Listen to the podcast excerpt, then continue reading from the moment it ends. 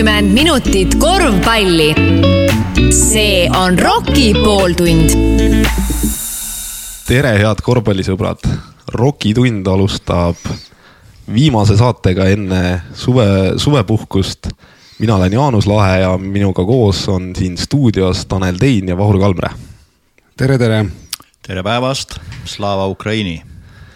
just nii ja hooaeg on läbi, medalid on kaelas, kellel säravamad, kellel vähem säravamad. Eh, Tartu, Tartu lõpetas siis Eesti meistrivõistlused hõbemedaliga, mis, eh, mis nii mõnelegi tuli üllatusena, nii mõnelegi tuli ootuspärasusena, et võtame siis omalt poolt selle hooaja siin kokku et äh, millised emotsioonid olid ja, ja kuidas seda Tartu Ülikooli korvpallihooaega siis äh, hindate? Vahur, alustame näiteks sinust. aitäh.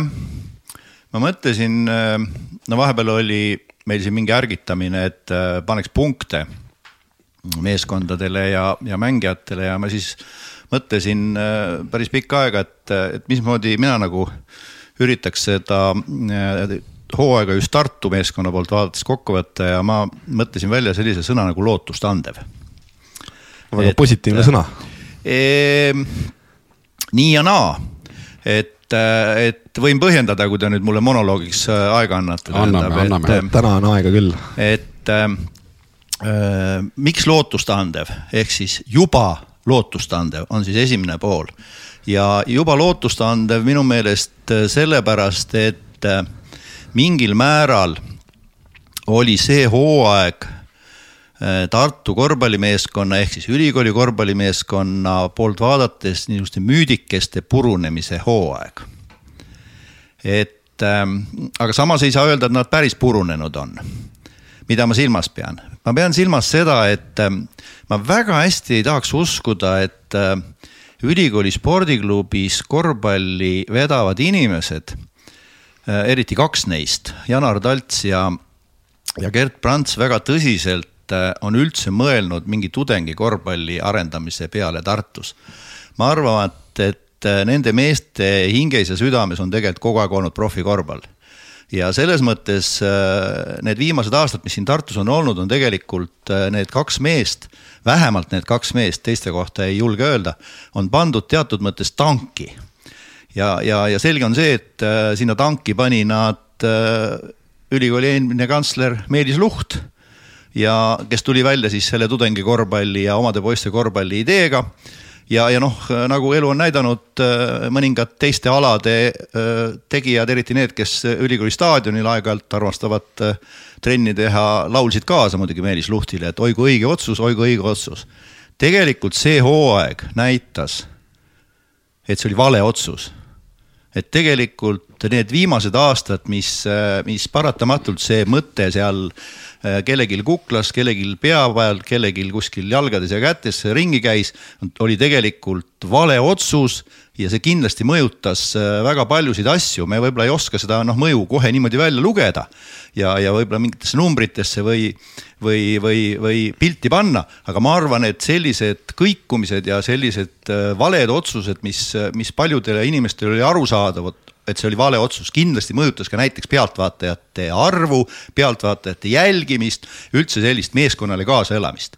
et selles mõttes oli see hooaeg minu meelest selline natukene selline müütide äh, noh, murdmise või purunemise hooaeg, sest tegelikult äh, kui mitte seda teades ja vaadates nüüd tegelikult seda finaalseeriat ja, ja, ja üldse play-off'e Eesti liigas ja miks mitte ka neid varasemaid turniire sel aastal, siis tegelikult oli ju selge, et Tartu Ülikooli korvpallimeeskond arendab profimeeskonda jah, Tartu, Tartus sai siis tudengikorvpalli projekt sai läbi, et Tanel, oled nõus?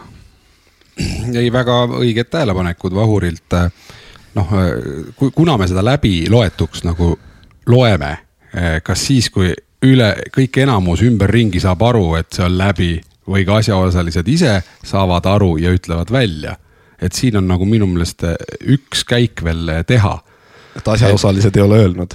minu teada ei ole ja minu teada just see, et täna on see aeg, kus Tartu korvpalli eh, meeskond või ütleme, see klubi eh, sisekaem-, avalik sisekaemus, mis on olnud ja mis on tulemas, milline signaal anda tuleviku suunas, on nagu asjakohane. kas see tuleb näitavad siin lähi noh, päevad tegelikult ega midagi siin nagu noh, vot see ongi see, kui me läheme, nüüd on hooaeg läbi, nagu ma olen öelnud, et sa saad medali kätte, homme algab uus päev, on ju kohe. aga tegelikult on see vaja, vana kokku vaja võtta selle vana hooaja pealt anda oma tuleviku siht. siiamaani me nagu väga kuulnud ei ole. ainuke, mida ma nagu nägin, oli ülinõrk sihuke kokkuvõte Postimehest äh, nagu hooaja peale, kus nagu tegelikult analüüsi või mitte midagi sellist nagu ei olnud. rohkem pole, et mängumeeste saates ma kiidaks äh, natuke neid äh, selles osas, et nad nagu midagigi ikkagi nagu võtsid ja ütlesidki selle välja, et poole hooaja pealt tõmmati noh, pidur peale sellele olemasolevale asjale, noh, nemad ka juba ütlesid, on ju, mida me oleme siin kaks aastat rääkinud tegelikult. ja kust meie kriitika nagu tegelikult ju alguse sai et eh, ma arvan, see üks käik on puudu, aga, aga ärme viska püssi põõsasse, et eh, võib-olla midagi tuleb kuskilt. no Vahur kasutas sõna lootustandev, et kas eh, Tanel, sinul on ka mingi sõna või, või äkki mingi numbriline asi, hinne, mille, millega seda kokku võtta? ei, mul ei, noh veel kord, kaks tuhat kaheksateist, kui see juhe seinast välja tõmmati, kui Meelis Luht paugutama tuli oma jutuga. no võtke artikkel ette, ma ütlesin kohe, et me hakkame iseennast petma, et me petame iseennast sellega ja paraku nii ka nagu läks, et minul ei ole midagi midagi rohkemat, kui ma tahan teada, mis järgmisel aastal komplekteerimisega tehakse, kes jääb, kes ei jää, on ju. Äh, selle, mind ei häiri viis legionäri, absoluutselt, mind häirib äh, see, kui meeskond kaotab ja, ja siis, kui meil ei ole nagu kõrvale omasi panna, siis on viis, kui on kolm, on ka väga hea, ei ole üldse selle vastu midagi et Eesti poissi juures. no täpselt sellepärast ma tegelikult ütlesingi, et see lootustandev selles punktis on tegelikult natukene nii ja naa. et, et kui tribüüni võib-olla viiendas reas ja, ja, ja, ja siis arvuti taga mänge vaadates ja, ja vaadates, kes mängivad konkreetselt, eks ole, sel hetkel ja kes toovad kui palju punkte, võisid pealtvaatajad ju aru saada, et, et noh, midagi on muutunud ja, ja, ja see jutt on jäänud sinna ajalukku, aga tegelikult tuleks meelde tuletada, et veel enne hooaega enne selle aasta hooaega andis praegune ülikooli kantsler ehk siis Tiina Vallimäe meeskonnale väga selge eesmärgi, kuidas meeskond tuleb üles ehitada. meeskonna koosseis, tsiteerin, seitse pluss tudengit, üks-kaks kogemustega Eesti mängijat, kaks-kolm õpilast, maksimaalselt kolm legionäri. ehk siis juba see tähendab, näitab, et tegelikult ehm, vastuolud meeskonna visioonis, vastuolud meeskonna komplekteerimises on tegelikult endiselt olemas ja, ja kuigi me võime arvata, et oi, näe, viis legionäri platsil, järelikult noh, siis äh, äh, kaldumine tudengikorvpallist profikorvpalli äh, poole meil ju silmaga näha, siis tegelikult on täpselt see, mida Tanel ütles, et, äh, et mitte ilmtingimata mitte uue hooaja alguses, vaid tegelikult selle hooaja lõpus peaks äh, meeskonna omanik ehk ülikooli kantsler selgelt välja ütlema, missugune kontseptsioon sellel meeskonnal on ja et ja. see on see selles mõttes, et siin, siin ongi see, kui ülikooli all olles, siis ülikooli kantsler peab minema rektoraati ja, ja põhjendama seda asja rektoraadis.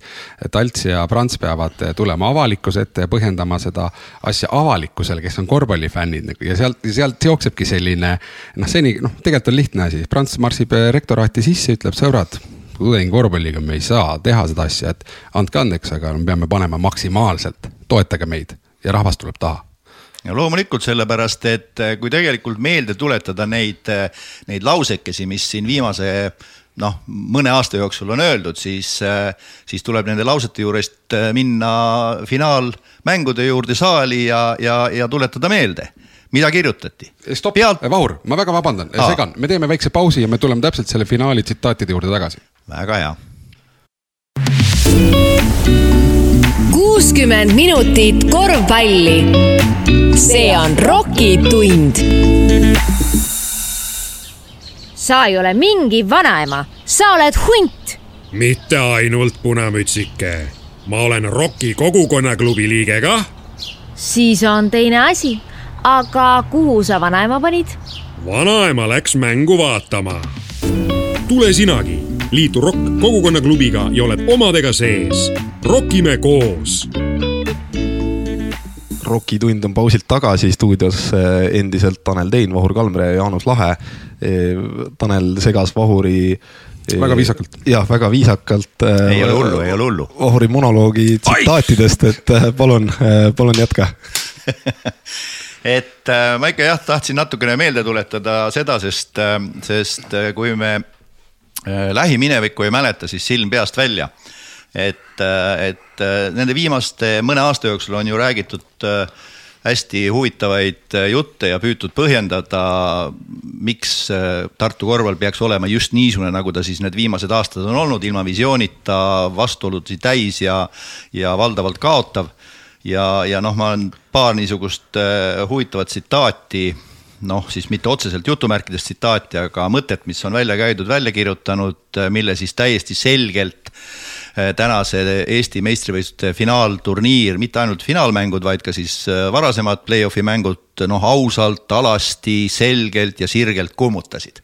mis oli üks lause? pealtvaatajaid ei huvita legionärid, vaja on Tartu poisse. no kuulge, mida siis finaalturniir rääkis? Praktika ju kummutas selle, mitte mingisugust probleemi ei ole, mida huvitab pealtvaatajaid. ma, ma kommenteerin korra, jah, ma kommenteerin. turniiri edu ja võitluslik mäng. absoluutselt. Ja see, see ongi selline, et, et meil on nagu ilma analüüsimata me võtame mingit väikse seltskonna kahe, kahe käe sõrmedel olevat seltskonna mõned mõtted, kes keegi ütleb, et oma süü poiss võib olla, kobiseb seal tribüüni peal. ja see, see ei ole reaalsus, siin ei ole reaalsusega midagi pistmist, sest äh, ma hüppan korra lihtsalt ette, et see olukord, mis äh, ideaalmudel on see, nagu täna kevadel juhtus, et iseenesest see nagu see korvpallibuum tekib, et see ei ole nagu tehis, et see iseenesest see vastaseisud, vastasseisud tekivad ja nii edasi. et see tekib iseenesest, need rahvas tuleb nagu, nagu saali ja neid, seda inim-, seda rahvast ei huvita absoluutselt seal eh, selle kümne või viie inimese nagu krõbin selle omade poiste kohta, et see on klubisport ja siin peab võitma ja täna oli võit tõus. Vahur, sul oli, sul oli veel. ja, ja ei no, lihtsalt. siit võib nagu edasi vaielda, et noh, selge on see, et äh, võib-olla ühes finaalseerias, kus noh, kõik on kaalul, eks ole, siis unustatakse ära üldse igasugused äh, äh, nii-öelda äh, kodukohad mängijatelt, et kust nad parajasti pärit on, eks ole, ja, ja, ja kas need Eesti poisid, kes peaksid kah oma rolli täitma või Eesti mehed, ütleme nii, oma rolli täitma meeskonnas, äh, äh, mida nad noh, vähemalt finaalseerias absoluutselt üleüldse ei teinud. et, et nende kodukoht ei pea olema ju Tartu, nad võivad olla pärit Tallinnast, mida on või, või, või ma ei tea, Rakverest või, või Pärnust, mida on. või Helsingist. või, või Helsingist, mida on ju äh, Tartu meeskonna minevik ju ka näidanud, tähendab. aga, aga pikemas perspektiivis muidugi on selge, et et äh, meeskonna komplekteerimine ei saa olla nii lihtne, et on, äh, et on noh, viis kõva legionäri, sest tegelikult nende viie legionäri korraga toomine meeskonda näitas ühest küljest minu meelest seda, et meeskond ei täitnud äh, omaniku poolt antud ülesannet ja, ja, ja ta näitas teatud mõttes paanikat sest noh, äh, ma just seda, seda mängumehi äh, kuulasin ja noh, seal on sellised äh, veel teravama kõnega mehed, kui meie oleme, siis Kristo Saage ikka ütles väga valusalt ülikooli meeskonna kohta, kes sai vist pool lombaka Tarva käest pähe ja pärast seda algas paanika, nii et noh, tegelikult äh, need vastuolud selles meeskonnas jätkuvad. sest kui näiteks äh, ülikooli kantsler ehk siis meeskonna omanik andis meeskonnale ülesande, mis on tegelikult täiesti loogiline, millest on räägitud aastaid. et meeskonnas peab olema kaks-kolm vanemat Eesti mängijat siis tegelikult see ülesanne jäi komplekteerimisel täitmata.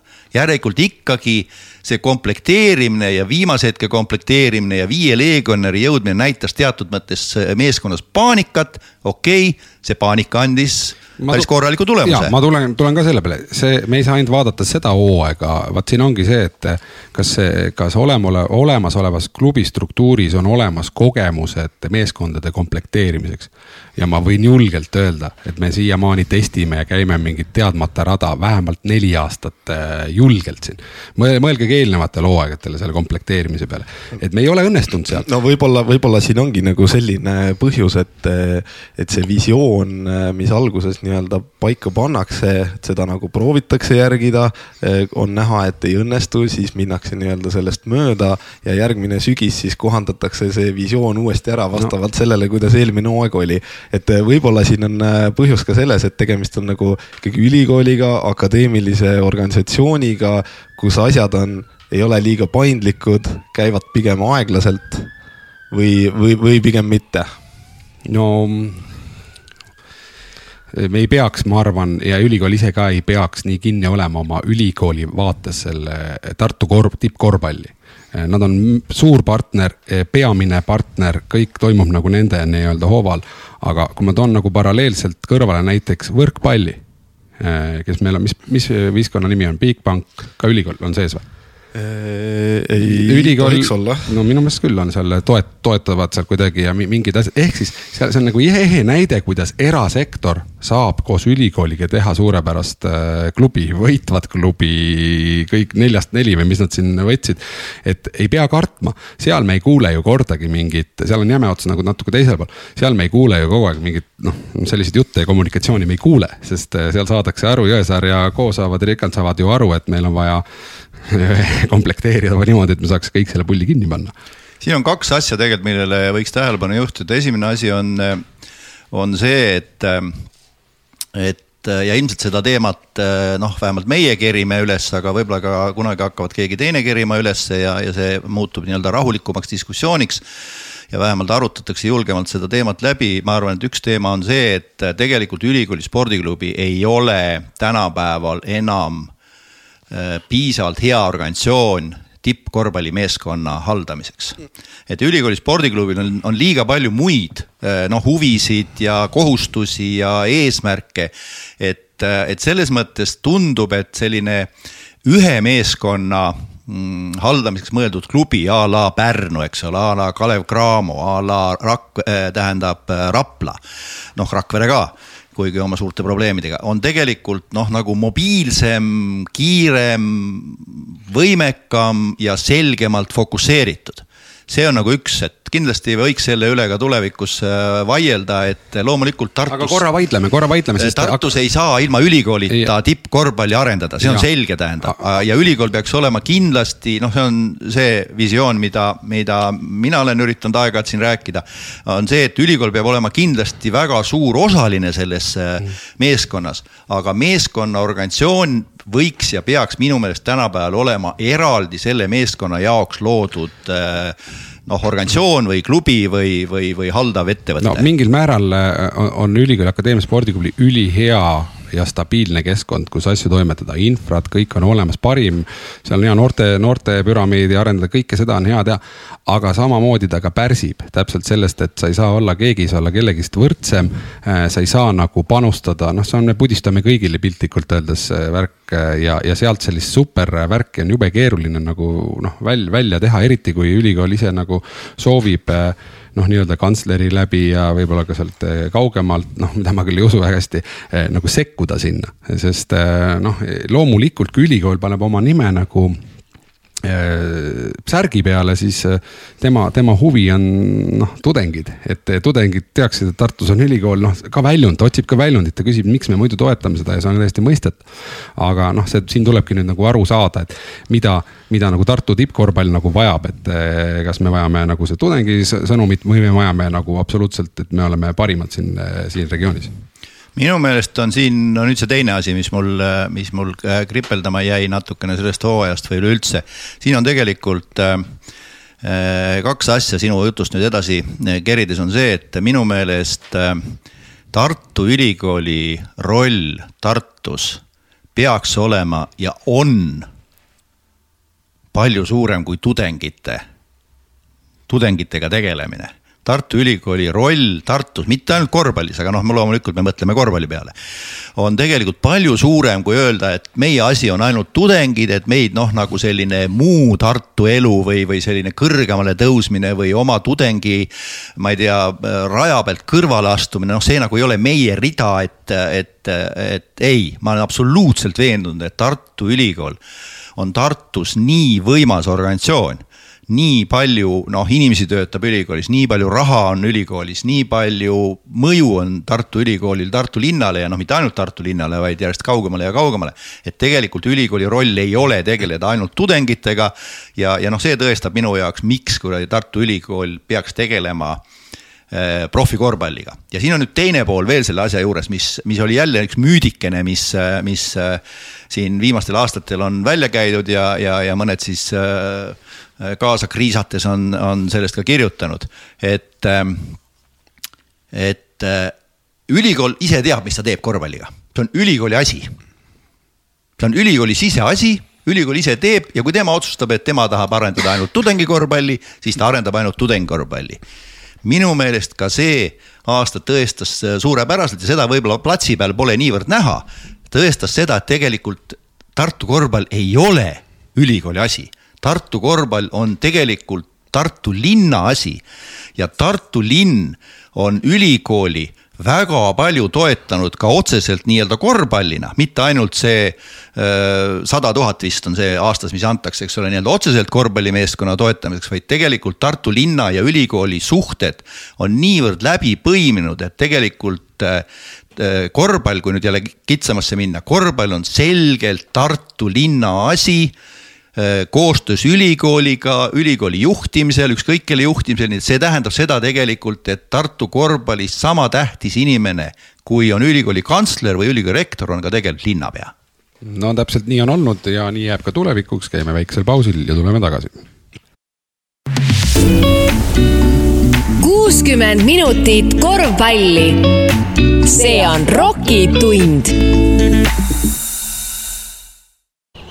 noored täna jälgime Rocki tehaseid. ennäe, esimesi on juba näha. parv hakkabki kogunema, nad on alati valmis üksteist aitama. kõigepealt tangivad ja siis liiguvad edasi. huvitav, et neile sobib mõni tankla paremini. kes ütles terminal? tubli, mõne tanklaga nad ongi sümbiootilises suhtes, nagu Rocki kogukonna klubigi. tule sinagi kampa lenda kohale ja maandu kodulehel rocktartu.ee. nokitse valmis ühekordne liitumine, võta vastu äge kingitus ja rokime koos. rokitund on pausilt tagasi, stuudios Tanel Tein, Vahur Kalmer ja Jaanus Lahe. parandan siin pisut äh, Taneli, Taneli sõnakasutust Tartu äh, võrkpallimeeskonna kohta, et äh, tegelikult on alates siis eelmisest hooajast selle satsi nimi siis Bigbank Tartu, et ülikooli, ülikooli nime enam seal võistkonnas ei ole aga eelmise. aga eelmi, oli. ja aga oli jah, et ja. eelmiste mõtete täiendamiseks, et ma jõudsin ise nagu sellele mõttele, et, et võib-olla ülikooli süsteem ikkagi ei ole nii-öelda tippkorvpalli soosiv Eh, sest eh, kasvõi selline hierarhiline süsteem, kus siis ülikooli kantsler, kes noh, tõenäoliselt ju tõenäolisemalt ei ole kuidagi kuskilt otsast nii-öelda korvpalliinimene, peab otsustama siis kogu, ütleme, Tartu ja Lõuna-Eesti nii-öelda tippkorvpalli käekäigu eest, et, et kas, kas see on nagu võib-olla ei ole kõige õiglasem nagu töökohustus ka temale no paraku see struktuur täna niimoodi on, aga eks Tiina Vallimäe kindlasti on korvpalliga seotud äh, juba varasemast ajast, et äh, kui siin oli delta aegadest, ma mäletan, et ta kindlasti on kursis, aga loomulikult siin on see küsimus. Äh, ja, ja eks Tiinast üles, Vallimäest ülespoole on ju rektor. et palju neil on aega mõistlik üldse kulutada sellise asja peale, et loomulikult no, see. ei olegi tegelikult. no tegelikult ei olegi, et kaasaelamise vaev ja et vaadata, et kõik on korras ja ülikooli nimi oleks hästi hoitud ja, ja esindatud, et loomulikult et eh, noh, me räägime, kui Tartu korvpalli peaks juhtima piltliku eraettevõtte mõttes absoluutselt tippjuht, nagu seda tulekski nagu juhtida kui ette, eraettevõtluses nagu, nagu tippfirmat, noh. nii, nii saab see olla ja kui see tippjuht nii-öelda peab kogu aeg näiteks käima ülikoolis küsima noh, mingite asjadele luba või mingid asjad on nii ja naa, siis ta ei saa seda maksimaalselt eh, teha. loomulikult see ülikooli üldine stabiilsus, ma rõhutan veel kord, on ülitugev argument, ühelgi teisel klubil Eestis ei ole sellist seljatagust. aga paraku, paraku sealt nagu neid samme teha, no platvorm on hea, aga küsimus ongi, et kuidas seda juhitakse ja kuidas, kuidas lastakse nagu noh no, nagu, nagu teha, on ju see on kindlasti nii ja naa. Äh, me oleme harjunud sellega nüüd äh, aastast siis äh, kaks tuhat tegelikult, eks ole aastast kaks tuhat me oleme sellega harjunud, et, et tippmeeskonna haldamine on ülikooli spordiklubi rida ja, ja noh, vastavalt siis see hierarhia seal, seal toimib ja, ja kui kantsler on parajasti ja, ja kantslerid valdavalt on olnud suhteliselt nagu korvpallilähedased inimesed, eks ole vahepealse haugatusega korraks. ja, ja, ja noh, ega rektoritki väga korvpallist kaugemal pole olnud äh, nii mõnedki, nii et selles mõttes võib-olla see hierarhia igapäevases elus nii hull ei olegi. aga, aga selge on see, et et noh, vähemalt jälle nii-öelda minevikust mälestades, mäletades asju on ju see, et, et äh, ühest küljest, kui on visioon on paigas siis tegelikult võib-olla see käsuahela pikkus nii väga ei häiri, eks ole, kui, kui noh, ülikool ehk siis ülikooli kantsler loomulikult linnapea toetusel ütleb, et meeskonna idee ja visioon on selline ja, ja nüüd katsuge see ellu viia, noh siis, siis see pikk käsuahel võib-olla ei ole probleem.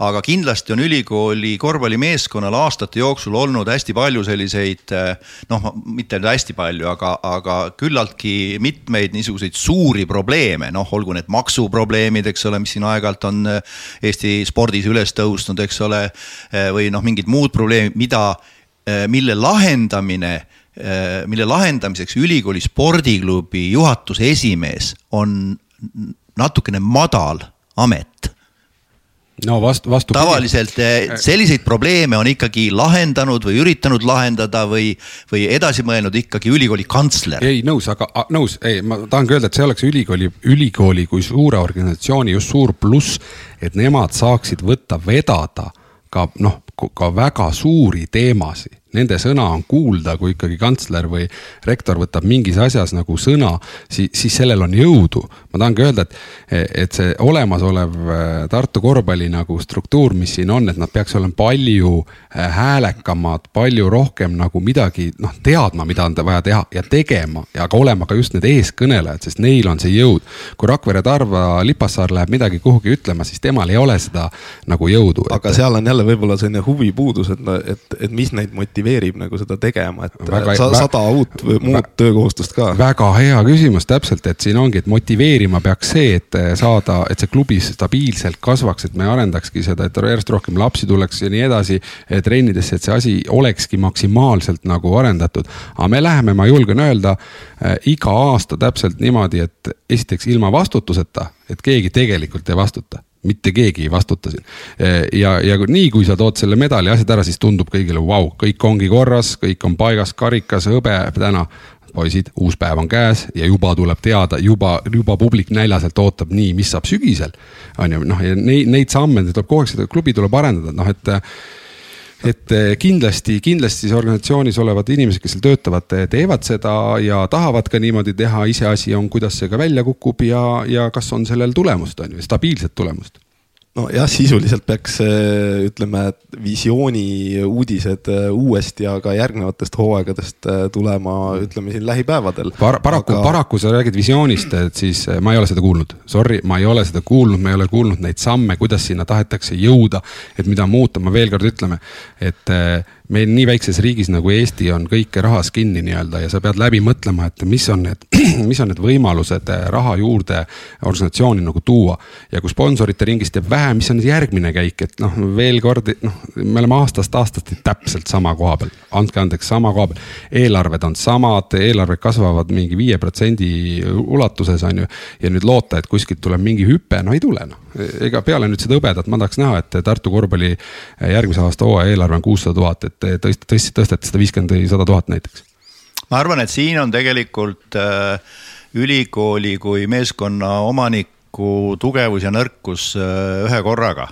et äh,, et ega neid, äh, ega neid rahanumbreid ülikooli käest äh, kätte saada vähemalt viimastel aastatel väga kerge ei ole ja, ja neid numbreid ei taheta öelda kui palju siis meeskond tegelikult maksab, noh eh, seesama Kristiina eh, Vallimäe on enne eelmist hooaega välja öelnud, et meeskonna budžett on kolmsada kolmkümmend tuhat ja et hooaja jooksul siis või hooaega siis peaks see suurendama ühe kolmandiku võrra, nii et noh, tegelikult võiks arvata, et siis meeskonna budžett on, ma ei tea, nelisada viiskümmend tuhat näiteks praegusel hetkel või siis sellel hooajal võis olla siis selline number sellise, sellise loogika järgi, aga siin on kindlasti noh, ülikooli tugevus on see, et ta on suur aga, aga ülikooli nõrkus on, on kindlasti see, et äh, esiteks, kuna see meeskond kuulub ülikooli spordiklubi alla, siis kindlasti on ülikooli spordiklubil äh, palju rohkem inimesi, kes meeskonnaga tegelevad, võrreldes näiteks äh, Pärnu või, või, või Raplaga, aga samal ajal nende inimeste tegevus ei lähe selle meeskonna budžetti et nad nagu tegelevad ülikooli spordiklubiga tervikuna, sealhulgas ka selle meeskonna. noh, ma ei tea, PR-induse või, või raamatupidamisega või ma ei tea, pallide hankimisega, millega iganes, ühesõnaga me ei saa nagu selget pilti, et kui palju see meeskond ikkagi reaalselt nii-öelda. no ja näiteks äh, maksab. Äh, selle tribüünide paika sättimine, et ja. Kärp tellib seal äh, kraana ja asjad kraamast ja peab lisakulu kandma, aga see on ülikooli kuskil muu rea peal, arusaadav. ja, ja teine probleem kindlasti on see, et, et et äh, kui on selline noh, ütleme meeskonnaklubi a la jälle noh, Pärnu, siis on selge see, et, et rahanumbrid on selgemad ja nende rahanumbrite hankimine on samuti noh, nagu potentsiaalselt selgem. iseasi, et see väga raske on loomulikult, aga see raha hankimise nagu tee on potentsiaalselt selgem. ülikooli puhul on see kindlasti väga segane, sellepärast et et kujutate ette praegust situatsiooni, kus ähm, äh, meeskond on saanud hooaja lõpuks sellise edu, mis eeldab, et äh, meeskonna omanikud, mitte ainult sponsorid, vaid ka meeskonna omanikud tahavad astuda järgmise sammu. ja, ja, ja ülikool ja võib-olla ka linn peaksid oma, oma nagu summasid natukene tõstma ja, ja samal ajal käib haridusministeeriumis ja parlamendis tõsine catch selle üle, et Eesti kõrghariduses on puudu miljoneid eurosid. et selles mõttes äh, tugevus ja nõrkus korraga, ütlen mina, on selle meeskonna olemine ülikooli all. Mm, jah, aga, aga ikkagi ma pigem ütlen, et pigem hea ja turvaline ja nagu lai, laiemates hea platvorm, kus olla, lihtsalt küsimus on selles juhtimis, eh, juhtimisstiilis ja nagu kinniolekus, et. no jah, pisut nagu paradoksaalsust, aga võib-olla jällegi annab sellist turvatunnet, et eh, võib-olla siin paljudel klubidel no. täna, täna nagu ei ole veel selge, et mis nagu septembris saab või mis oktoobris saab, et kas peasponsor ütleb jaa või ei, on ju. ja, ja aga võtagi, võtagi. Tartus seda küsimust ei ole. aga Tartus seda küsimust ei ole ja Tartus ei ole seda nälga, vaat siit tekibki see asi, et kui Kärp oma naisega kahekesi seljastab, seljatab eh, suure Tartu linna äh,, suure akadeemilise spordiklubi organisatsiooni kahekesi põhimõtteliselt et sõbrad, noh siis, siis tuleb ikkagi mütsi tõsta Kärbi suunas ja küsida, et aga miks me ei saa. turvatunne on selline omapärane sõna või omapärane mõiste. turvatundest mitte väga kaugel ei ole stagnatsioon no Absolut. mugavus, mugavus. või mugavus. tõsi, aga e, pealtvaatajad, et e, Tartu e, sai ju teiseks poolfinaaliks nii palju rahvast saali, nagu ei olnud juba aastaid nähtud, et, et Tanel, ma mäletan, sa kirjutasid ühes oma postituses, et, et nüüd on need inimesed saalid, et saalis, et kuidas neid hoida, kuidas nendega tegeleda, et mis sa täpsemalt nagu silmas pead selle all? võib-olla ma korra tuleks veel tagasi selle orgaanilisuse peale, kuidas seekord võib-olla kõigile üllatuslikult ikkagi see buum tekkis, et eh, ma usun, et seda buumi poleks vist tekkinud, kui Cramo oleks Pärnu vastu edasi läinud ja oleks meil Tartu, vana hea Tartu-Tallinn vastasseis olnud. aga noh, ju kõik oleks juba ootanud, et neli-null ja midagi võib sealt tulla, on ju nagu. ja, ja seda, seda nagu sellist ägedat orgaanilist kasvu ei ole, ei oleks tekkinud, et et ähm, me peame käima siin korra kiirel reklaamipausil ära ja siis tuleme võib-olla laialdasemalt selle teema juurde tagasi. aga, aga äge kindlasti on see, et äh, see kaks tuhat pluss ja kaks tuhat pluss Tartus ja Pärnus toimus ja see näitab meie hetkepotentsiaali, oleme kohe tagasi. kuuskümmend minutit korvpalli. see on Rocki tund noored, täna jälgime Rocki tehaseid. ennäe, esimesed juba kogunevad. Nad moodustavad suuri parvesid ja on alati valmis üksteist aitama, isegi arvutamises. sellepärast on Rocki tehase majandusaasta aruanne alati õigel ajal esitatud. kes ütles CH konsultatsioonid? tubli tõesti, mõne raamatupidajaga on nad sümbiootilises suhtes, nagu Rocki kogukonnaklubigi. tule sinagi kampa lenda kohale ja maandu kodulehel rocktartu.ee. nokitse valmis ühekordne liitumine, võta vastu äge kingitus ja rokime koos. rokitund jätkab koosseisus Tanel Tein, Vahur Kalmre ja Jaanus Lahe. E, no väga palju on äh, siin juttu olnud äh, klubide eelarvetest ja kui raske on nii-öelda Tartu, Tartu organisatsioonil äh, seda eelarvet ka välja öelda et Tanel, sa oled saatnud kõikidele klubidele küsimuse Uh, küsimuse siis äh, nii-öelda rahalise seisu kohta, et äh, loomulikult mitte rahalise, aga no ütleme, me saatsime kolm küsimust tegelikult, et just äh, mõttega, mõttega natuke kaardistada, minu meelest ka väga palju sellest isegi viimasel ajal ajakirjandus ei räägi. no on... tundlik teema, kas vasta, vastati ka? ja miks ta tundlik on, see ongi see küsimus, eriti kui sul on ülikoolid tegevus, kus on avalik raha tegelikult äh,. hästi kõiki klubisi toetab kohalikud omavalitsused äh,, välja arvatud TalTech, seda ma ei tea, seda infot ma ei saanud veel. aga, aga mm, no see on kõik avalik, on ju, et selles mõttes ei tohiks olla midagi nagu siin peidetud ja minu meelest need read peaks olema üpris äh, selgesti nähtavad. Ja meie küsisime nagu ähm,, küsisime kolme küsimust, et äh, mis on teie klubi eelarve äh,, mis on äh, kohaliku omavalitsuse toetusprotsent sellest eelarvest või mis on see summa, et mis, mis see summa, mis protsendi moodustab. Ja palju teil on nagu koostööpartnereid et lihtsalt nagu saada aru, et kuidas keegi toimetab, et koostööpartnerite alla läks siis ka noh, partneritehingud on ju, aga noh, seda ongi keeruline, keeruline nagu äh, võib-olla kõike rahas mõõta, aga samas kui partneritehing on, et poisid saavad pubis süüa, siis keegi peab lõpuks selle söögis kinni maksma, et see on ka tegelikult eelarve ju rida on ju. ja noh no,, küsisime neid asju, aga ma korra tulen veel teemas tagasi hoopis äh, vahuri, vahuri mõtte juurde siin, et äh, kui me küsime neid küsimusi eelarvete ja, ja nii edasi kohta, et mis on see finantspool, siis alati igal klubil on tegelikult ka ju visioon või noh, mingid, mida ta saavutada sealt hooajalt tahab ja mulle tundub, Vahur, sul jäi midagi viiskümmend protsenti seal eelnevalt ütlemata meil. nojah, me oleme läinud siin selliste põhimõtteliste ja suurte teemade juurde, aga, aga ma alustasin seda mõttekäiku sellega, et, et leidsin selle sõna omast arust, mis iseloomustab Tartu hooaega, see on siis lootustandev ja, ja, ja et juba lootustandev, aga, aga nüüd miks siis ainult lootustandev ja siin on tegelikult väga mm, orgaaniline seos nende pealtvaatajate arvuga, tähendab. et mida pealtvaatajad siis äh, saali tulevad vaatama? Ja selge on see, et noh, et ma kujutan ette, et, et pealtvaatajad tulevad vaatama äh, Äh, vähemalt kahte asja. Äh, nad tulevad vaatama võitu ja nad tulevad äh, vaatama turniiri võimalikku võitu. ehk siis minu meelest pealtvaatajad noh, tulid paljuski vaatama seda, sest tekkis variant, et Tartu meeskond võidab ära, mitte konkreetse mängu, seda nagunii, aga võidab ära ka Eesti meistrivõistlust ehk võidab ära terve turniiri. aga samal ajal jah võib ju öelda, et turniir võidetakse ära play-off'is, aga play-off'i tuleb jõuda.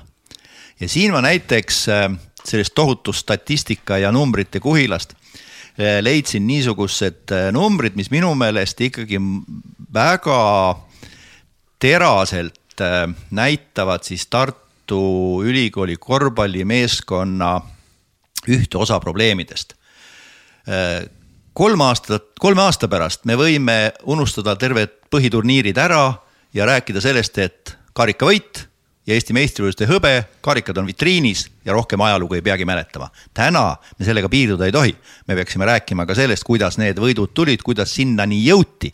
Ja siin ma kirjutasin endale välja niisuguse viiekümne protsendi piiri või viiekümne protsendi äh, rajajoone. Ja ilma väga pikemalt kommenteerimata loen need lihtsalt ette. Tartu Ülikooli meeskonna selle hooaja siis tulemused. Eesti karikavõistlused, viis võitu, üks kaotus. esimene koht, väga kõva saavutus. Eesti-Läti liiga, kaksteist võitu, kuusteist kaotust, alla viiekümne protsendi. no ei ole rahuldav. kaheksas koht põhiturniiril. ei, see on selgelt äh, ikkagi lati alt minek. Põhja-Euroopa liida äh,, liiga neljas koht, play-off'i pääsemine kui kolm, kolme aasta pärast rääkida, aga täna rääkida, kuidas sinna play-off'i mm. pääseti ah,. see on huvitav praegu nüüd. kuidas sinna play-off'i pääseti, sest kaks meeskonda ju kõrvaldati nii-öelda viimasel hetkel turniirilt ja, ja sellepärast äh, Tartu Ülikooli meeskond sattus siis nii-öelda nelja hulka, aga kaks võitu, viis kaotust. no see, ei ole. vot see on nagu huvitav näide jah. ei ole rahuldav tulemus ja isegi Eesti meistrikad jälle, lõpp otsustab kõik, hõbeda karikas on äh, vitriinis ja mis me siin ikka kobiseme, aga ikkagi võiks natuke kobiseda. kakskümmend võitu, kakskümmend kolm kaotust.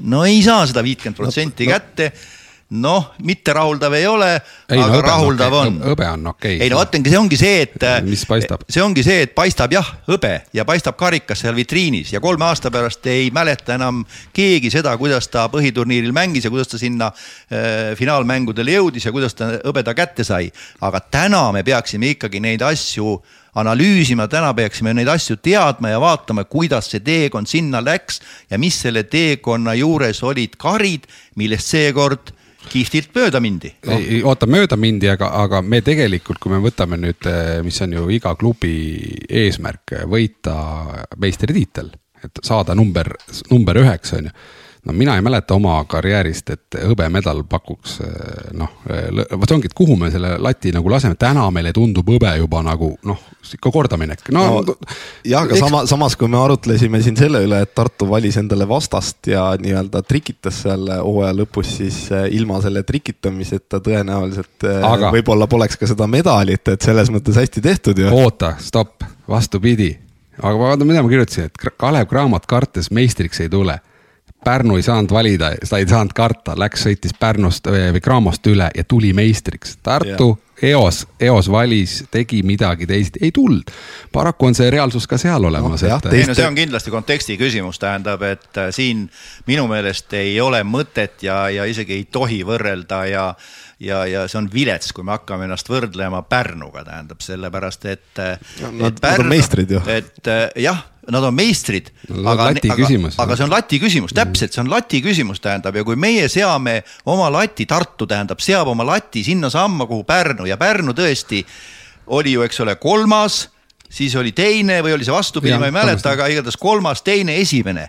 Pärnul on kõik läinud normaalselt äh, ülespoole, no enne seda kolmandat, teist ja esimest, noh, Pärnu ilmselt ei olnud eriti kusagil, eks ole, aga, aga Tartu on olnud esimene-teine kogu aeg Tartu on olnud esimene-teine kogu aeg, kui nüüd viimased mõned Vi- aastad. viis aastat välja võtta. viimased viis Neli aastat välja arvata, aga ta on olnud esimene-teine, järelikult meie latt, Tartu latt ei saa olla kunagi sealsamas, kus Pärnu latt, mitte kunagi ja, selles mõttes see hõbe on äh, üldsusele, seda ei ole mõtet kuidagi alavääristada, see on, üldsus võtabki seda kui head tulemust, aga kui me nagu sü, sü, süveneme, et mis oli võimalik ka võtta, on ju, ja mis jäi nagu, nagu, mille taha see jäi, et see seeria oli kolm-null, ärme unustame. Mille taha see jäi, et me ei saanud äh, Tartu puhul teha ikkagi seeriat ja, ja tuua see täiesti, täiesti reaalne, täiesti reaalne meistritiitel Tartusse. siin tuleb nagu teravalt tegelikult analüüsida, ei saa niimoodi lihtsalt öelda, et noh, hõbe on hea mille taha see jäi, miks jäi, kas ikkagi psühholoogiliselt oli niimoodi, et me kartsime seda Cramot ja me näed ja nüüd Cramo sai veel Pärnu käest kotti ja näed ja nad olidki meist enese ja olidki enesekindlamad ja oligi Pärnu meeskond enesekindlam. et järelikult see valik, see valimine mängis, oli karuteene, ma ütleks niipidi. aga meil eh, tagasi tulles selle publiku teema peale on meil üks huvitav huvitav äh, tähelepanek täna, et äh, täna meie saade ei lõppe ära siin, lõpeb ära küll Ring FM-is ja head saatekuulajad, et kui- kuigi me lõpetame Ring FM-is, siis minge otsige meid äh, taskuhäälingutest üles, Spotify'd ja SoundCloud'id ja kõik muud, muud kohad ja me jätkame oma saatega seal, ütleme Ring FM-is äh, nägemist hetkel. Nägemist. ja tuleme tagasi, tuleme tagasi õige pea Pole aega pikalt seletada. lihtsalt tule ja liitu meie ROK-i kogukonnaklubiga. ja sul saab olema superäge. rokime koos rokitund juttudega tagasi jätkab eh, erinevates taskuhäälingutes ja eh, Tanel Tein, et me enne mm, juhatasime sisse teema klubide eelarvest, et eh, eelarvetest, et, et küsisite, esiteks siis miks küsisite. teietab, hakata. sa, sa, küsisite. ei, ei, sa ise rääkisid endast äh, mitmuses, et äh, ma ei tea, kellega koos sa küsisid. no me ikka kõigiga küsisime klubiga. no küsisite ja mis Jah. siis vastati? ühesõnaga, miks me küsisime, et saadagi aru, mis on meil täna, milline eelarve hulk on täna Eesti korvpallis. kaheksa meeskonna summaarne summa on umbes neli miljonit eurot. noh, et kas see on nagu vaata, ma pole ka varem väga kuulnud, et mis see summa on, on ju, ja nagu, et kas me oskame nagu võrrelda aastast aastast, mis see on, teame, et kamba peal on kokku eh, neli miljonit ja kui me jätame Kalev Cramo välja, siis ülejäänud satside eelarve on kuskil nelisada tuhat. Ja huvitav just selles mõttes teada on seda numbrit, et et okei okay,, et praegu on koroona-aastad ära olnud, aga noh, koroona on nagu natuke taandunud juba on ju ja meil oli väike korvpallibuum, et, et mis osa siis nagu võimalik klubidel, tehes head tööd oma kogukondadega, oma fännidega, teades, kes nad on, et mis, millise protsendi nagu moodustaks piletitulu neil mm. -hmm. ja noh, need numbrid tegelikult summa summarum liiga peale on päris tegelikult katastro-, katastroofsed, võime öelda, et siin ei ole midagi nagu, midagi nagu väga, väga toredat, et me teame, et Äh, umbes viiskümmend tuhat äh, korvpallikülastust on ühel korvpallihooajal ehk siis seda neli miljonit eurot, mis on nagu kogu budget on ju, käib vaatamas viiskümmend tuhat äh, inimest, et see on ütleme, ütleme, et neli, nelikümmend tuhat ostab selle kor, noh, korduvpileti seitsme eurose, me saime mingi kuus koma viis protsenti nagu sellest kogu neljast miljonist on ju. on see piletitulu, et no see on äärmiselt nõrk number mm. -hmm. loomulikult klubide lõikes on see nagu erinev ja ma noh, tõin selle välja seal näiteks Tartu baasil kelle eelarve on umbes nelisada viiskümmend, viissada tuhat. aa, kui ma küsisin. no see on hinnanguline. ei, selles mõttes, et vastasid kaheksast klubist viis saatsid oma vastused Äh, ja Tallinna Tehnikaülikool ei soovinud avaldada numbreid, Tartu ei vastanud üldse, noh, mis on omamoodi jällegi tore märk. ja Tallinna Kalev äh, ütles, et ähm, noh, me teame, et Kalevi uudis on see, et nad lähevad nüüd täna kokku kellegiga, Audentesega läksid kokku, et nad lihtsalt ütlesid, las uued mehed vastavad, et nad ei tahtnud seda nagu teemat avada sel hetkel. aga see selleks, ühesõnaga viis klubi vastas ja suured tänud neile sellest, et minu meelest on see jube oluline teada detaile, et mis seal on. Eh, paraku meil sellest kogu virvarrist ei saa teada veel või loodan, hiljem vast saame, et palju on meil, kui ma ütlesin, et viiskümmend tuhat korvpallikülastust oli, et palju on neid üksikisikuid. noh, mis on tegelikult jälle see noh, ülioluline number, et eh, ma ise prognoosisin seal kolm kuni viis tuhat inimest kuskil, noh, mis on jällegi vähe mm. -hmm. no meil on noh, Eestis käib korvpalli vaatamas, siis võime öelda viis tuhat, noh, viis tuhat inimest. no kaheksa satsi peale ei ole ju väga, väga palju, me tahame Tartus siin, et meil oleks viis tuhat kunagi keskmiselt on ju noh, eesmärk. et äh, aga noh, sealt koorus välja selline äh, huvitav muster näiteks, et kui Tartu eelarve on nelisada viiskümmend tuhat, ütleme, siis neil oleks vaja, on sul numbrid ees, ma ei mäleta, et äh, tuhat, tuhat inimest või tuhat kakssada inimest mängule või?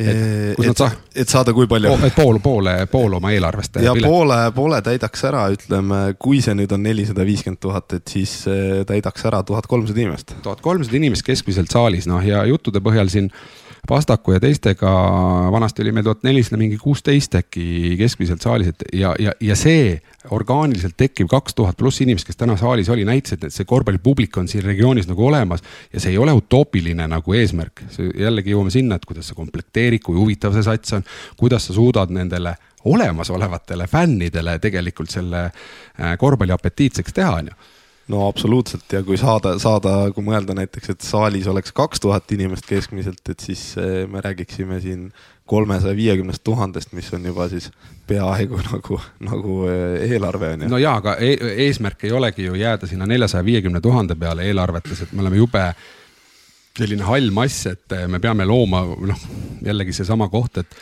kuidas saaksid klubid sellise stabiilse äh, stabiilse noh, kasvupotentsiaali nagu areneda, et noh, nad peavad leidma uust, uut publikut ja nüüd vaata, ma küsisin seal postituses ka, et oo, meil on kaks tuhat inimest saalis, et noh, Rock oleme, Rockina oleme, Rock korvpalliklubi on nagu kogukonnaklubi, et meil ongi nagu liikmed. varsti hakkame lähenema siin kaheksasaja liikmele, et kasvame vaikselt iga päev. et et kas nad nagu, kas klubid püüdsid saalis oleva inimese kinni või noh, kas nad proovisid kuidagi seda äh, Äh, noh, seda kontakti luua või nad lihtsalt mõtlevad, et järgmine kord on mäng ja nad tulevad kohale. et no mis sa arvad, kas nad tegid midagi? no käisid ka mängul, noh, et kas ma, ma arvan, meiliaadresse nagu ei küsitud ja ütleme, äppi mingisugust ei lastud alla tõmmata, et noh, tõenäoliselt selles suunas ei tehtud ja ei teatud, kes aga kui sa piletid ostsid, kas sa ostsid eelmüügist või kuidas sa ostsid? Äh, ma olen ostnud nii ja naa, et aga, aga noh, koha pealt ostes ei jää ühtegi märki maha, et. aga eelmüügist?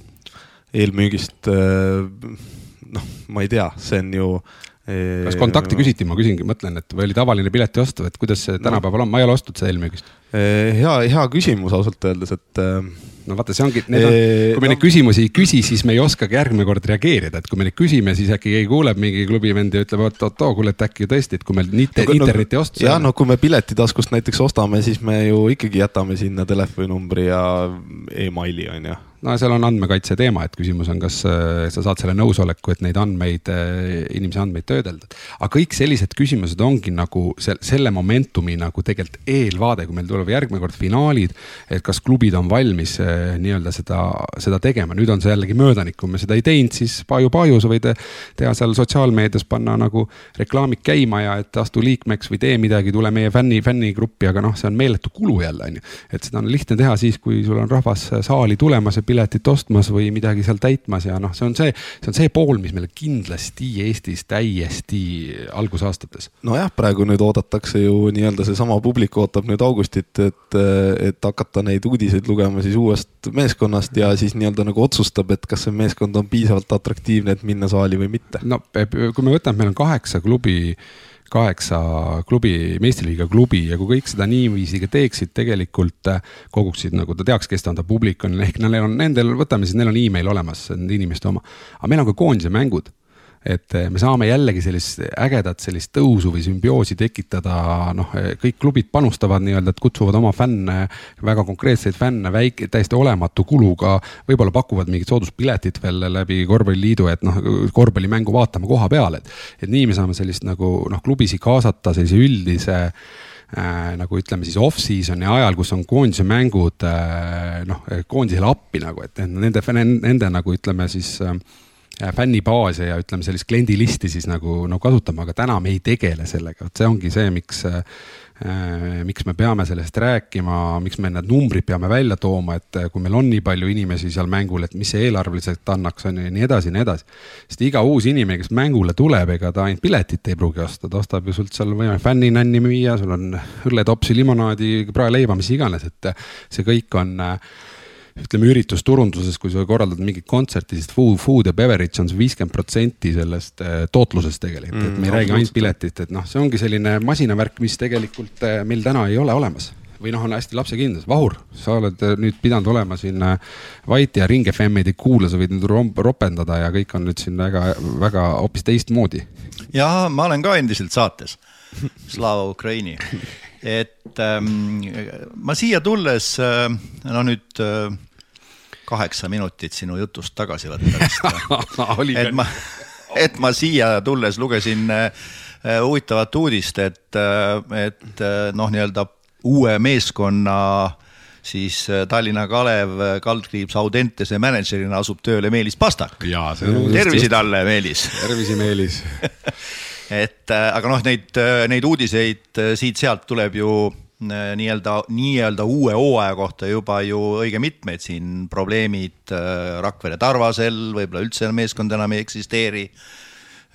Siis Raplas on muudatused, eks ole, abitreener. ma segan kohe vahele, praegu võib Ring FM-i kuula, et, et, et vaata, vaata see Rakvere näide ka, et kui kõigil oma, kõigil toetasid omavalitsused kakskümmend protsenti kuskil, siis Rakvere Tarver oli see kümme, vaata. Ja see ongi selline noh, nad said kakskümmend tuhat, kakskümmend kaks tuhat eurot näiteks omavalitsuselt, kui Tartu saab sada vaata, jälle milline nagu noh, me peame aru saama nende väikeste klubide hullust võitlusest ja kui raske neil tegelikult on seda rinda suurtega pista nagu. samamoodi noh, Pärnus oli see number suurem, on ju, aga, aga just nagu Rakvere, et natuke me nagu ei, ei hooma, vaatame, et Rakvere hooaeg oli nii kehv, aga neil oli kõige väiksem eelarve. nojah, ma arvan, et Rakvere probleem mitte ainult sellel hooajal, vaid ka, vaid ka paljudel-paljudel hooaegadel on on üks nende probleemidest on, on tõenäoliselt see, et neil on olnud väga tugev, väga suur, väga suure protsendiga peasponsor. ja kui see peasponsor ära kukub mis iganes põhjusel, siis on loomulikult probleemid hoopis teised, kui ära kukub teine, kolmas, viieteistkümnes või kaheksateistkümnes sponsor. ja aga kui sul on ka teistest äh, ligi sada pluss tuhat eurot vähem raha, ehk sa komplekteerid hoopis teistmoodi seda meeskonda, sest ähm, siis Martin Müürsepal ongi keeruline.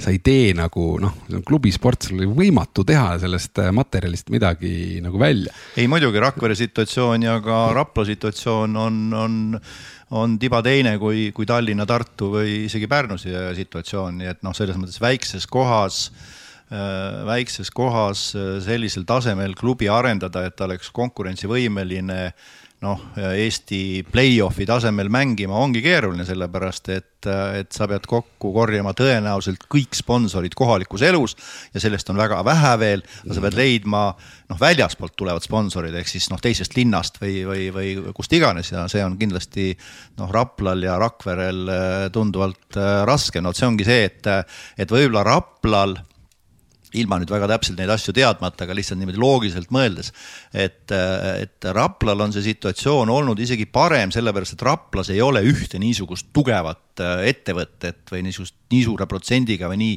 nii võimast ettevõtet, nagu on Rakveres, eks ole, Rakvere, Rakvere lihakombinaat, aga Raplas niisugust ei ole ja siis on Rapla nagu pidanud selle nii-öelda budžeti kokku korjama rohkem erinevatest suundadest no, no, võib-olla, noh, ma täpselt ei, ma arvan, ei tea, aga ma arvan, et seal üks väike ei, probleem on. Raplal on näiteks suurem eelarve ja Raplal arvatavasti see peasponsor, ma julgen, Avis on, ma julgen öelda samas suurusjärgus kui Rakvere. ma, ma ei tea seda, aga hea, et sa jõudsid selle koha peale, et väiksemad kohad, et võtta siin sellest uuringust äh, tuli välja üks selline äh, huvitav number, keskmine toetajate arv on siis nelikümmend viis on ju klubidel.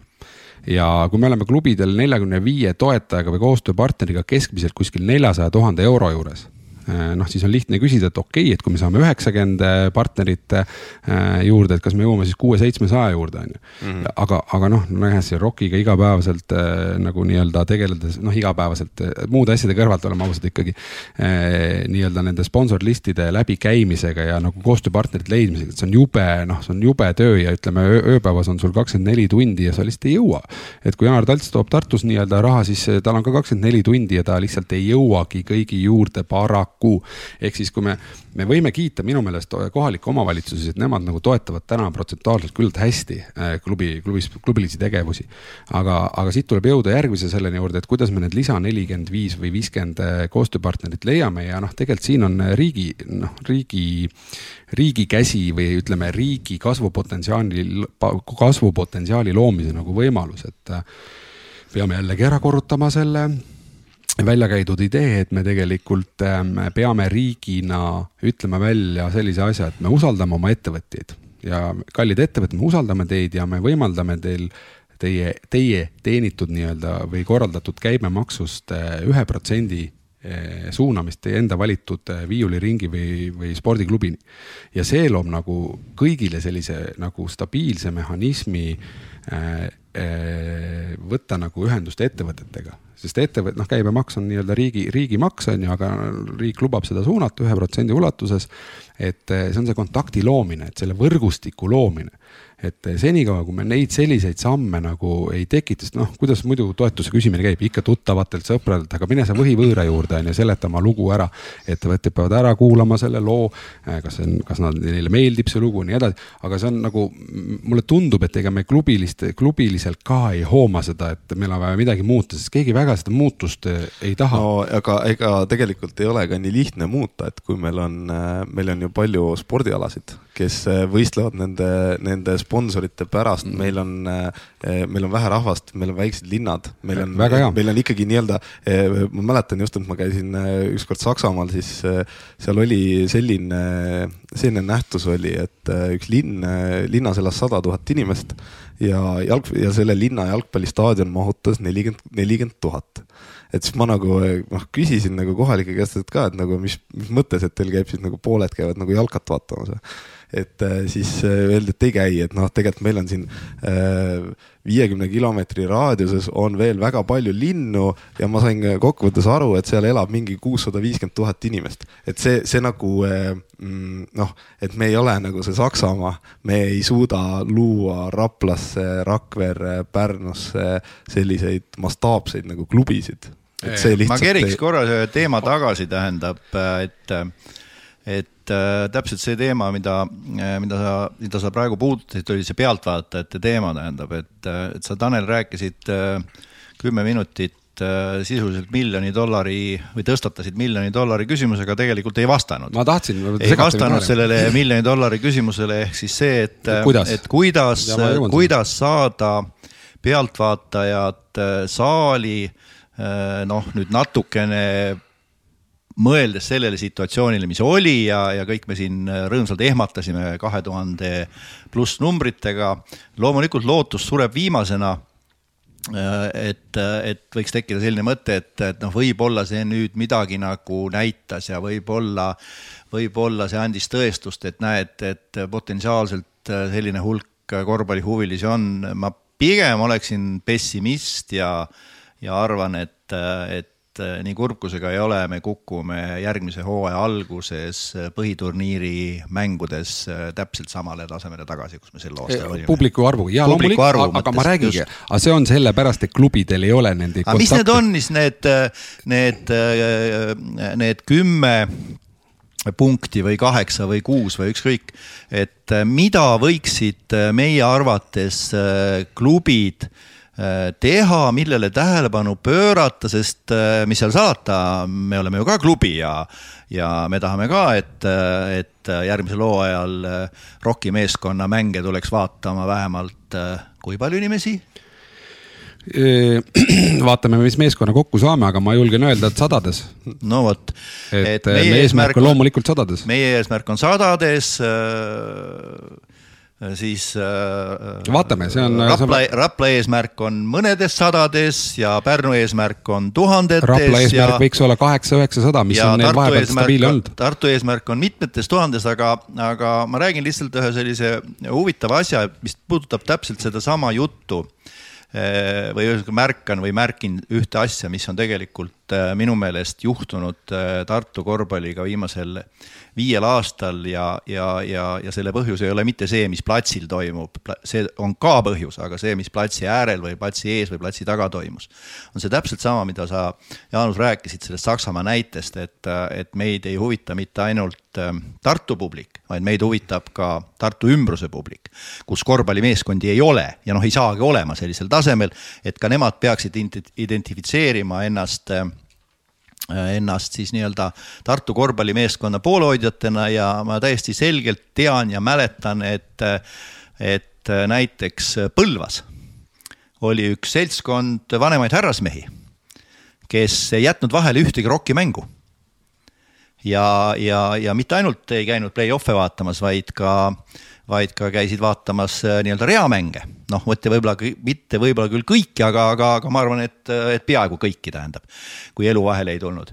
ja, ja see oli täiesti selline sõpruskonna värk, nad äh, tulid siia isegi väikse bussiga ja noh, pärast mängu muidugi tehti ka väike söök Tartus. aga see oli selline noh, elu osa mm. -hmm. nagu teatris käisid. see oli elu osa, äh, see seltskond ei olnud suur Äh, ei olnud mingi kümnetes inimestes, aga vaat niimoodi kolme-nelja-viieliste seltskondadega see asi kogu aeg toimis ja töötas ja see ei olnud Tartu, vaid see oli mm -hmm. Põlva publik ja nende meeste isu kadus paralleelselt tudengikorvpalliga, momentaalselt no,. ja loomulikult need asjad peavad paigas olema, et sul see, see, mida sa teha tahad, su fännidele ikkagi meeldib. aga noh, me küsid, kuidas. et ku, kuidas see asi ongi selles mõttes ju, võtame, kui ma tean, kes on mu fänn, ma saan talle saata infot, et mul toimub mäng ma saan talle teha pakkumist, et olles klubi liige, et näed, muidu on kümme, sa saad seitsme euroga, sul on juba, ma saan talle pakkuda väärtuspakkumisi, nii edasi. ma saan teha tööd, see on nagu ettevõtte kliendilist, kui me võime nii öelda, ta peab teadma oma kliente, eh, mida nad teevad, et kui mul on tuhat klienti, näed, kolmsada ostis pileti, miks seitsesada ei ostu, mida ma neile pakun, ma saan nendega teha tööd, see on kõige elementaarsem eh, digiturundus. et selles mõttes Kärbil näiteks Pärnus ilmselgelt pole seda täna turunduslikku power'it, et neid asju nagu teha, aga Tartul võiks olla, on ju, aga, aga selle alge on see, et sul on olemas need eh, need fännid, nagu sa tead, kes need on, me oleme, elame digimaailmas, sul on võimalik saata nii telefoni peale SMS-iga kutsuda. et see, et see tuumikpublik on sul olemas, on ju, kellele mingit väärtuspakkumist luua aga veel kord, see kõik taandub sellele, et ei Kärbil pole täna raha eelarves seda, et endale sellist abijõudu kontorisse nagu palgata. tundub, et ka Tartul ei ole äh, seda raha ja inim-, sellepärast me nagu seda kasvu ei teegi. ja nüüd ma tulen tagasi ikkagi selle oma käibemaksu teema juurde, kus te mind sealt ära viisite, et see, kus meil lisa nagu seda lisasünergia või lisa uued ettevõtted võiks äh, nende alade juurde tulla. et Eesti riigis kaks tuhat kakskümmend üks oli kogu käibemaks oli kaks koma kaheksa miljardit, ümardame selle kolme miljardini. üks protsent sellest on kolmkümmend miljonit et me ei räägi üldse mingist, see muutus on poliitiline muutus, ma tahan seda öelda igaks juhuks mm -hmm. ära. aga kolmkümmend miljonit, kui kõik Eesti ettevõtted kasutaksid seda võimalust. no ilmselgelt ei, ei kasuta, ei kasuta loomulikult. kasutab mingi kaks-kolm protsenti, neli protsenti algusaastatel, ehk siis nagu, aga, aga see loob vaata võimaluse. nüüd me klubidena teaksime või viiuliringidena, et riik on loonud sellise vahemeetme, et ma saan minna oma lugu rääkima ettevõtjale ettevõtja kuulab mu ära ja esimeses astmes ettevõte ei nagu noh, käibemaks on riigi oma, tuletame veel meelde. Eh, ta lihtsalt suunab selle riigi käibemaksu nende klubidele, mis kohe jõuab tegelikult ringlusesse ju tagasi, sest keegi ei upu, ei hoia pangakontol seda raha, vaid kohe läheb see ju nagu käibesse, on ju, noh, klubidel ei ole nagu neid noh, rahasid. saab õpetajatele, treeneritele suuremaid palkasid maksta, nii edasi. aga nüüd see ongi see meede või ütleme, et sul on võimalus, kes tahab areneda siis riik on nagu sellise abikäe nagu teinud. ja kui me räägime, et me kunagi saame nagu sada protsenti selle ära tehtud, siis on kõigest kolmkümmend miljonit eurot kultuuri ja sporditoetuseks, see on niivõrd nagu minu meelest äh, väike raha ja see ei ole niimoodi, et me pudistame selle, vaid ei, veel kord, see klubi või viiuliring peab võtma nagu võtma selle loo endal kaasa ja minema ettevõtja juurde ja sealt me loome nagu seda kontaktibaasi juba, et äh, esimeses astmes suunab käibemaksu, järgmine aasta teeb ka väikse toetuse ja nüüd on see lisaraha tekkimine ja, ja võrgustiku tekkimine. minu meelest on see nagu küllalt hea idee. eks me näeme, kas see kunagi ka noh, õnnestub, aga, aga peame nagu ajama seda. no kindlasti see on, on vajalik idee ja, ja, ja vajalik Äh, tegevus, äh, noh, nii-öelda mõelda, kust äh, korvpalli ja, ja, ja viiuliringi viiuliringi ja, ja, ja raha juurde tuua, aga ma pean tunnistama, et mina küll sellist finantsilist imet ei usu eriti.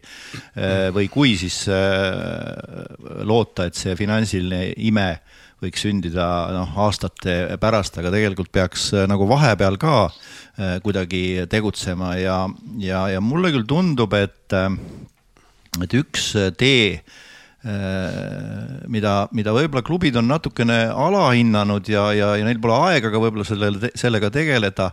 Ähm, ei ole selle nagu tähelepanu pööranud äh, või on see nii nähtamatu, on minu meelest ähm, vabatahtlike abi klubi, äh, klubi tegevuses, ehk siis noh, meie oleme, ROK on siis nii-öelda kogukonnaklubi ja me ei ole, meil ei ole. kõik on vabatahtlikud. kõik on vabatahtlikud, kõik on vabatahtlikud, aga samal ajal kõik on nagu klubi liikmed, et noh, et siin on niisugune, eh, niisugune kummaline, eh, kummaline situatsioon. Eri, eriline, eriline situatsioon, ütleme mitte kummaline, vaid eriline situatsioon. omanikust vabatahtlik. jah, omanikust vabatahtlikud on no. üks, üks omanikust vabatahtlik Tallinnas mul küsis, et, et kuidas siis järgmised sammud on ROK-i klubil. omanik omanikust vabatahtlik äh, Peep Aaviksoo küsis no,, äh, et ta on ka omanik, et, et tahaks juba, et tahaks juba nii-öelda omanikuna tulemusi Meeskond, näha. tulemusi tahaks näha, et, et, et kaua te seal õiendate.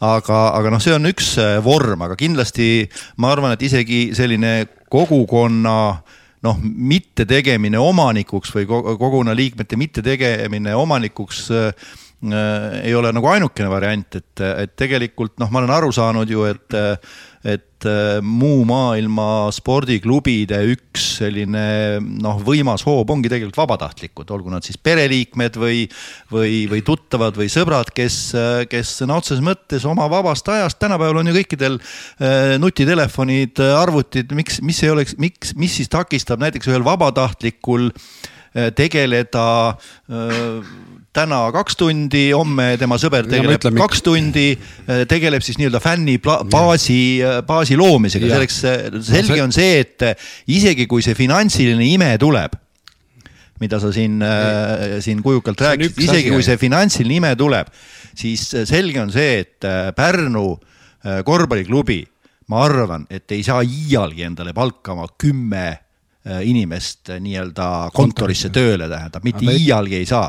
et, äh, et tegelikult selline vabatahtlikkuse kaasamine äh, alguses üks, siis kaks, siis kümme, siis kakskümmend, siis kakssada inimest, kes erinevaid asju teevad, võiks olla noh, üks võti nagu selle selle pealtvaatajate arvu kasvatamiseks aga, või mitte? ei, aga, aga täpselt ROK ju nii teebki, meil ongi vabatahtlikud, aga et ka see vabatahtlik üles leida, ma pean teadma, kes ta on, et temaga kontakti vaata, ROK-is ei ole probleemi ROK-is ei ole probleemi, sellepärast et. ei no meil on ka hullult vaja kasvada. on, aga me kasvame nullist me kasvame nullist. võiks kiiremini juba minna. noh, selles mõttes nullist, et me, meil ei ole ju meeskonda, noh, selles mõttes me ei ole veel mänginud kuskil, me alles hakkame mängima. et selles mõttes loomulikult meil on ka pressing selleks, et, et kui Rock tuleb välja, et siis ikka pealtvaatajaid oleks kakssada, mitte kaksteist, eks ole, et meil on ka pressing, aga samal ajal Pärnul ja Tartul on täiesti reaalne pressing, sest neil oli eile kaks tuhat pealtvaatajat no,, neil no. oli eile kaks tuhat pealtvaatajat ja neil on reaalne pressing, et kuidas sellest kahe tuhandest pealtvaatajast säilitada järgmise hooaja esimeseks mänguks viiskümmend protsenti. Mm. no paraku nad lihtsalt loodavad heale õnnele, ma siin muud, ma, ma, kui nad, kui nad mingeid tegevusi ei teinud, kui nad mingeid tegevusi ei tee, neil on tegelikult terve suvi aega, et hea fänn, kes sa olid saalis, on ju, näed, meil on selline asi algamas äh,. olemegi, teemegi ka kogukonnaklubi või midagi sellist, neil on võimalik värvata värvata neid, täna on see asi veel aktiivne et äh, aga noh, selle noh, neid vabatahtlikke ongi nagu, on vaja ja me oleme täna ka, Jaanus on vabatahtlik, teeb kõrvalt saadet äh, turunduspoolega. palka ei saagi jah? palka sa ei saa, kõrvakiilu saad, kui tegemata jätad, et, et. Äh, et noh, palka ei saa, täpselt, see ongi, see ongi, aga me teeme seda mingi asja pärast, millesse me ühiselt nagu usume, on ju. aga paraku, et see asi, sa ütlesid, vabatahtlik ei aita meid selles osas, et kui sul on vaja tuua siia Danoka Bird, sul on ikkagi vaja seda finantsi klassi, no ma räägin tasemest, et või näidata, et sul on vaja raha. sul on vaja kuidagi see rahamasin käima nagu saada, et sulle, mitte selles mõttes, et keegi pudistaks, vaat, vot see on nagu jama, et keegi annab sulle kogu aeg mingit stampasja.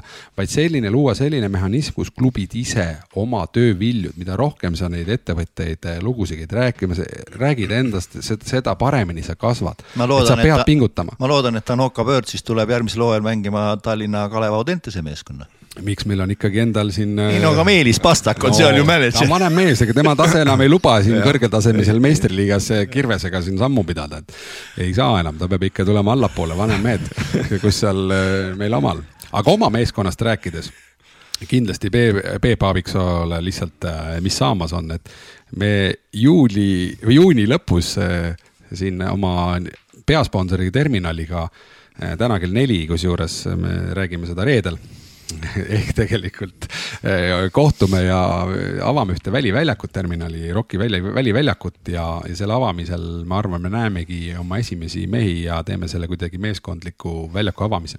et sellest me kindlasti oma sotsiaalmeedias ja võib-olla ka üle pika aja kuukirjas noh, suhtleme oma siis teiste omanikega. aga nüüd ongi võimalik siis omanikust vabatahtlikul küsida tegevjuhilt, kaugel ROK-i meeskonna komplekteerimine on?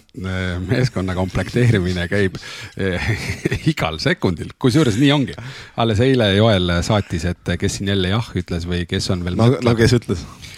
minu jaoks küllalt sellised ähm, no ma ei saa veel, ärme niimoodi okay, okay. välja ütleme, et nimesi on, nimesi on, et kaheksa-üheksa on täitsa nagu kindlad äh,. aga, aga see olekski selline juuni lõpp oleks selline ametlikum ja avalikum asi, saaks ise ka näost näkku vaadata. no seda esitlust nagu meeskonna esitlust ikka tasub vaatama minna, et see on, muidu on see Rocki meeskond nagu selline, et mida keegi oma silmaga näinud esiteks, ei ole, et seal esiteks, saab näha. esiteks terminal on tegemas äh, ERMi kõrvale Eh, uut korvpalliväljakut, mis on viimase peal eh, materjal korvidega. esiteks noh, see on mõeldud ju linnarahvale tarbimiseks, et eh, minu teada see ei ole tasuline kasutus seal, et lihtsalt see, et korvpalli populariseerida ja nagu kõike sellist asja, et meil oleks, oleks nii-öelda Kossu, Kossu väljakuid ja miks mitte ERMi juures.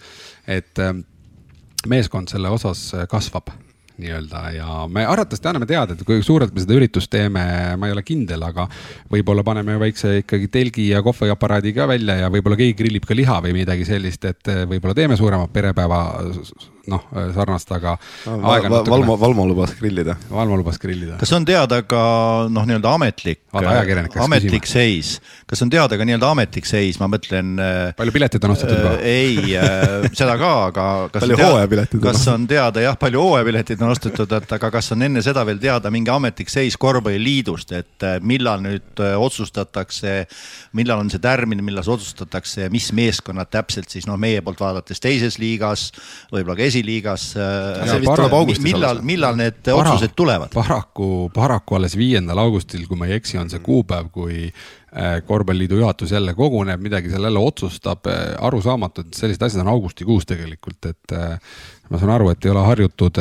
teise liiga klubid vist ei taha ennast tavaliselt juunis komplekteerida et.... no võib-olla küll, aga noh, siis, siis ei tohiks olla seal mingit ka sellist sportlikku printsiipi, et kes või noh, kui sa teed võidu ja. peale ja sul on mingid reeglid paigas, siis lase, lase siis komplekteerida, kui keegi tahab, et no see saaga on veel lahtine, me ei hakka täna siin meie ajakriitilises saates seda lahkama. pidi ju olema nii kaua räägime, kui, kui kõik uudised on ära räägitud. seda küll, aga vaata, vabatahtlikud käivad. Eh, päris tööd tuleb ka teha.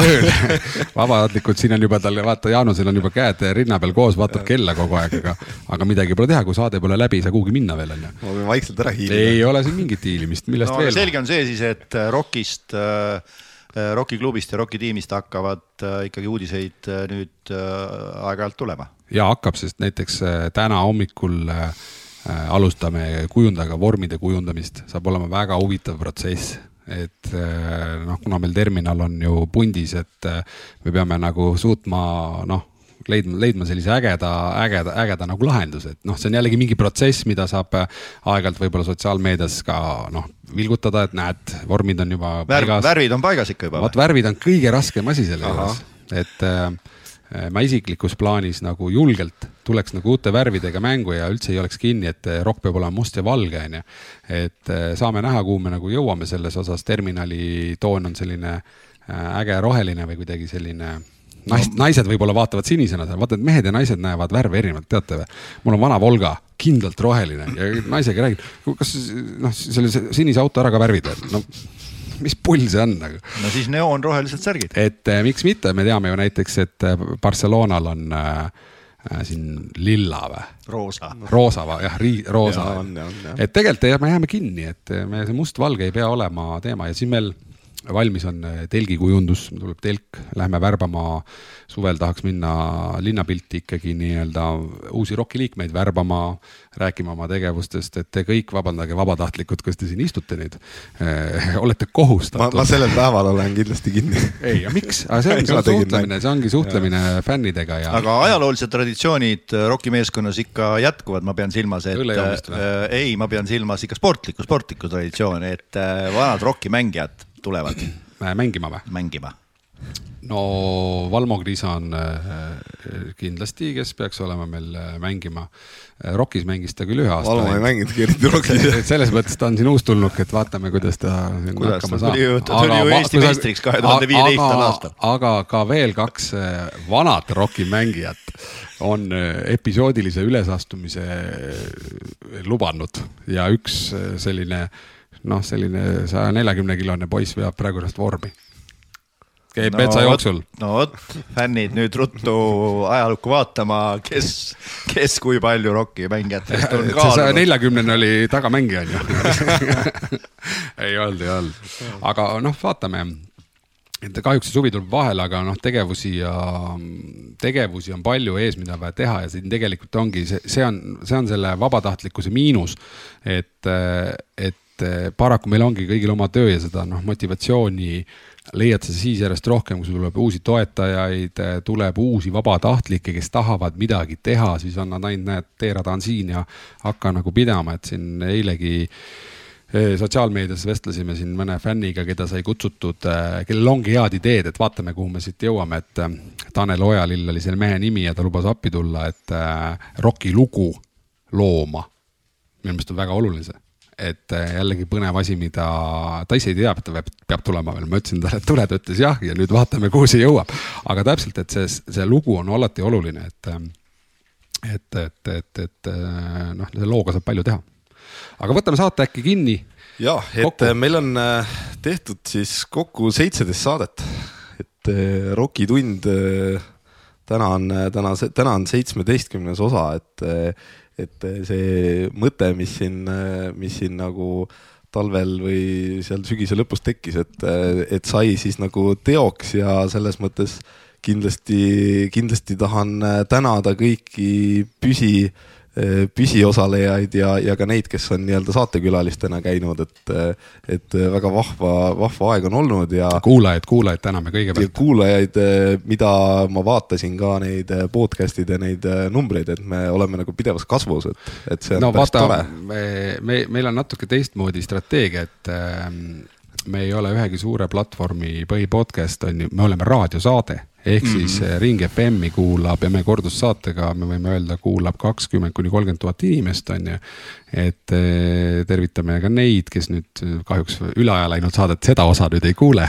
seda, seda ei kuule jah. autoroolist läksid taskuhäälingusse kuulama, siis kuulavad, et aga kõiki, küsimusi võib alati või huvitavaid ettepanekuid võib eh, saata, et see ongi selle asja mõte, et korvpalli edeneb. jah, et kindlasti Rocki tund nagu äh, kuhugi ajalukku ei jää, et me jätkame oma tegemistega, aga see, et kuna täpselt ja mis formaadis täpselt. aga siis juba kindlasti uute saatejuhtidega ja. jah, aga eks siis äh, selgub, äh, selgub aja jooksul, et oli ka mõte, et võib-olla, võib-olla teha, kui, kui siin kõigil ajad klapivad, et teha ka väike koondise erisaade enne Milano EM-i hmm..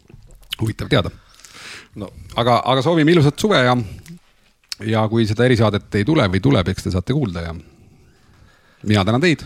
just nii, aitäh, aitäh. ja kuulmiseni. aitäh kuulajatele ja ilusat suve. nägemist